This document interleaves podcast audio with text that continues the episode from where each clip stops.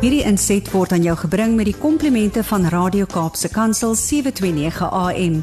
Besoek ons gerus by www.cape pulpit.co.za. To a man in midstreams who I think would rather enjoy a takey daar in Langebaan. Môre Jannie Pitter. Goeiemôre. Bradley, lekker geluk aan die kippie. Ehm um, wat 'n lekker verrassing om te kry as mense kans vat in die lewe. Ja. En dan kry jy skielik 'n oproep en hulle sê maar jou kans het deurgegaan. well, thanks for helping us here. Uh, I was on your Facebook page, uh, Jannie, mm. and you were sharing your motivation and to ek het lees sê ek, "Jo, dis nou nie 'n boodskap waar ek sê, "Ooh, dis nou iets vir iemand anders nie. This message that you've shared and that you're going to share with us here this morning, dit gaan huis toe want daar's 'n gesprekkie wat daar by die huis gaan." van iemand 'n ou klein mannetjie wat te bang is om iets te doen want hy is bang dat hy dit nie reg kry nie. The fear of failure and that's a very real fear, is ek reg Jannie? Ja, Bradley, dis seker een van die grootste redes waarom baie mense nooit hulle drome leef nie.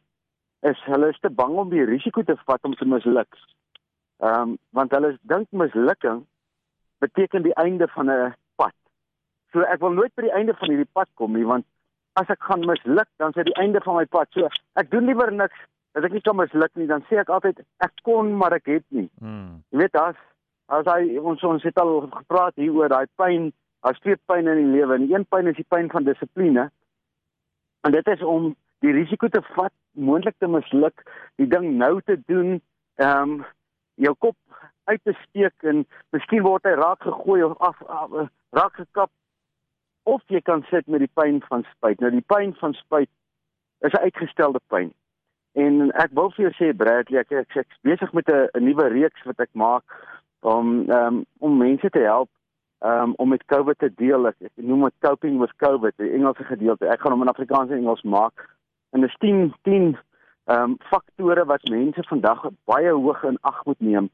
En een van hulle is die faktor van gemak. Hmm. Ehm um, gemak het ingekom met uh, met die aanbreek van COVID. Het almal ont weet jy was geforseer om in jou huis te bly. En al die mense wat altyd te bang was om op 'n rekenaar te werk en wat maar van soos ek is wat ehm um, uit die oude nie uit die oude doos uit klim nie, maar wat hou van fisiese werk en goedjies doen met my hande en en, en eintlik nie hierdie rekenaar ding verstaan het nie. Almal van ons het nou agtergekom hoe maklik is is die lewe as jy hierdie rekenaar leer werk. Ja. En dit het gemaak dat ongelukkig so ontsettend baie mense in 'n gemaklike plek ingegaan het waar mislukking onmoontlik is. Ek ben nou bestel jy jou kos deur 'n klik van 'n uh, uh, knoppie op op die internet. Mm. Kos word by jou huis afgelewer. Jy hoef nêrens te gaan nie. Jy hoef nie met iemand te praat nie. Jy hoef nie klere aan te trek nie. Jy hoef nie met iemand in kommunikasie in te gaan nie alles in die lewe het skielik verander na gemak. Ja. En ongelukkig is gemak die einde van 'n pad. En ek sê dit dan vanoggend, wanneer jy jou doelwit gemak in die lewe maak. Kom ons vat jou seentjie. Ja. Ehm um, hy sou bang om te gaan sport speel want hy wil nie misluk nie. Nou sit hy gemaklik. Hy oefen nie. Hmm. Hy doen niks nie. Hy neem nie deel nie. Daar's geen uitdaging in sy lewe nie. Inteendeel, hy is so gemaklik want hy kan nie misluk nie. Ja. Nou wanneer jy nie kan misluk nie, dan as jy nêr, dan is jy by die einde van jou pad. Dan beteken dit dis die einde, want wat is jou uitdaging? En as ons dit kan verstaan, as ons vir mense kan sê nou ek ek sê altyd vir mense vir vir ouers, moet nooit vir jou kind probeer motiveer nie. Dis nie jou werk om jou kind te motiveer nie. Jou werk as ouer is om jou kind te inspireer. Nou daar's 'n groot verskil tussen motiveer en inspireer. Motiveer beteken ek vertel vir my kind wat om te doen. Ek vertel vir hom wat ek gedoen het. En hy hoor al hierdie stories, maar hoe meer hy hoor hoe goed jy was en hoe goed jy gedoen het toe jy klein was, hoe groter word sy vrees dat hy jou gaan teleurstel as hy nie suksesvol is nie. So ek wil vir ouers sê, hou op om jou kind te vertel van wat jy alles gedoen het. As jy wel vir jou kind wil vertel van wat jy alles gedoen het, vertel vir jou kind van jou bangheid, van jou stouteghede, van jou pak slaap wat jy gekry het, van die foute wat jy gemaak het. Jou kinders is gek daaroor om te hoor, "Herre, my pa en my ma was actually ook normaal." Ja. Hulle het foute gemaak, hulle was bang. Soveel van ons probeer ons kinders motiveer deur vir hulle te vertel wat het jy gedoen toe jy klein was. Ek het 20 km skool toe gehardloop elke oggend. en as my voete was kliphard en her nou sit jou kind hier, jy koop vir hom skoene.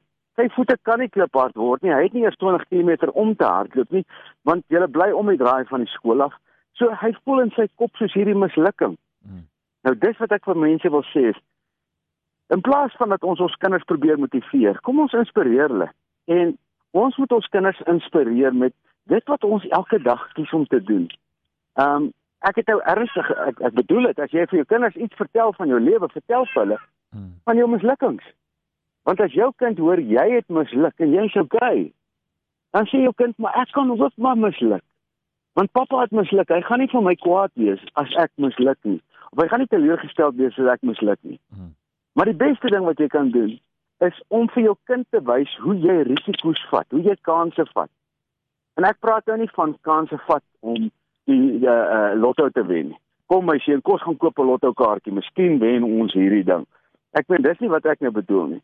Ek ja. praat van fisiese kansse vat waar jy vir jou kind sê, "Hey man, ons ry elke dag dieselfde pad huis. Kom ons ry bietjie, sê jy vir pappa, watter pad moet ek ry en ry ek hom?"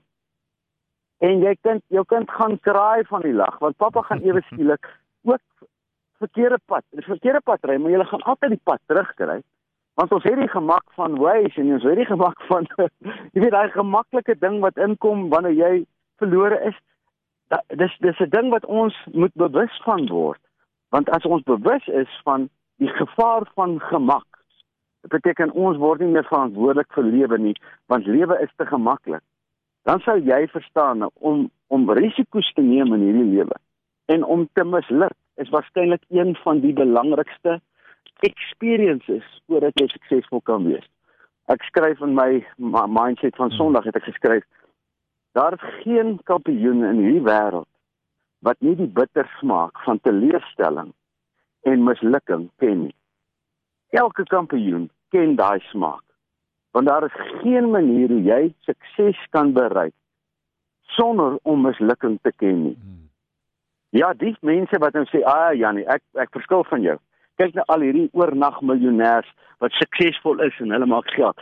Glo my, geld in my opinie is nie sukses nie.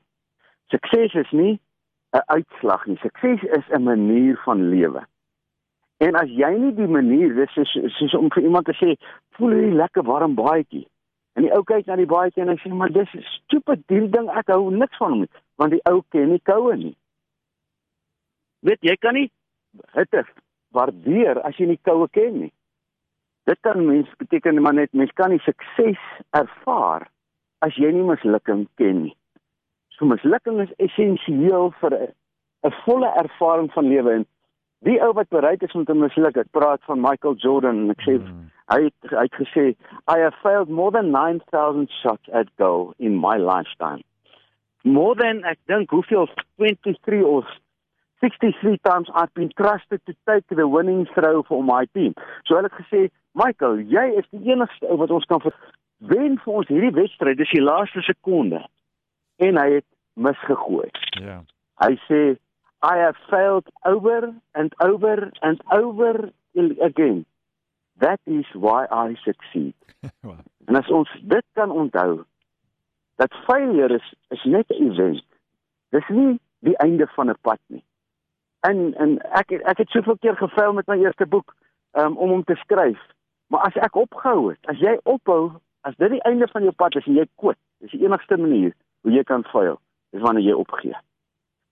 So hier's my asem uit vir die dag. Ek het lekker gepraat. Ek weet nie hoeveel tyd het ek gehad nie, maar dis my gedagte wat ek wil sê vir ouers is inspireer jou kind. Vertel jou kind van jou failures, van jou vrese, van daai oomblikke wat jy misluk het. En dan inspireer jy hom weer te sê maar ons hou nooit op nie. Ek gaan nooit ophou omdat ek misluk het nie. Ek sal altyd aanhou. En wanneer jy altyd aanhou, dan beteken dit jy kan niks anders doen behalwe suksesvol wees nie want sukses is nie 'n uitslag nie. Sukses is daai keuse van jou om aan te hou. Dis sukses. Ek hoop dit maak vir almal sin en dat elkeen 'n amazing dag het en uh hmm. hy tannie moet haar etetjie lekker geniet saam met haar man. Ehm um, wat 'n voorreg om so af en toe in die lewe 'n verrassing te kry en te sê jy het ehm um, jou naam in 'n hoed gegooi, jou naam is getrek. Well, Yanni, you Dankie Bradley. Yeah, you're so welcome. I've writ- I've been writing like a crazy person while you've been talking. Lots to think about, lots to share, also with you in the uh, in our podcast section, and we'll be adding some of this info into the the, the comment section as well on our uh, podcast. And go and listen to this podcast again at kpulpit.co.za. Pragtige dag vir jou, Yanni. Dankie Bradley, seën vir julle en geniet die dag. Hierdie inset was aan jou gebring met die komplimente van Radio Kaapse Kansel 729 AM. Besoek ons gerus by www.cape pulpit.co.za.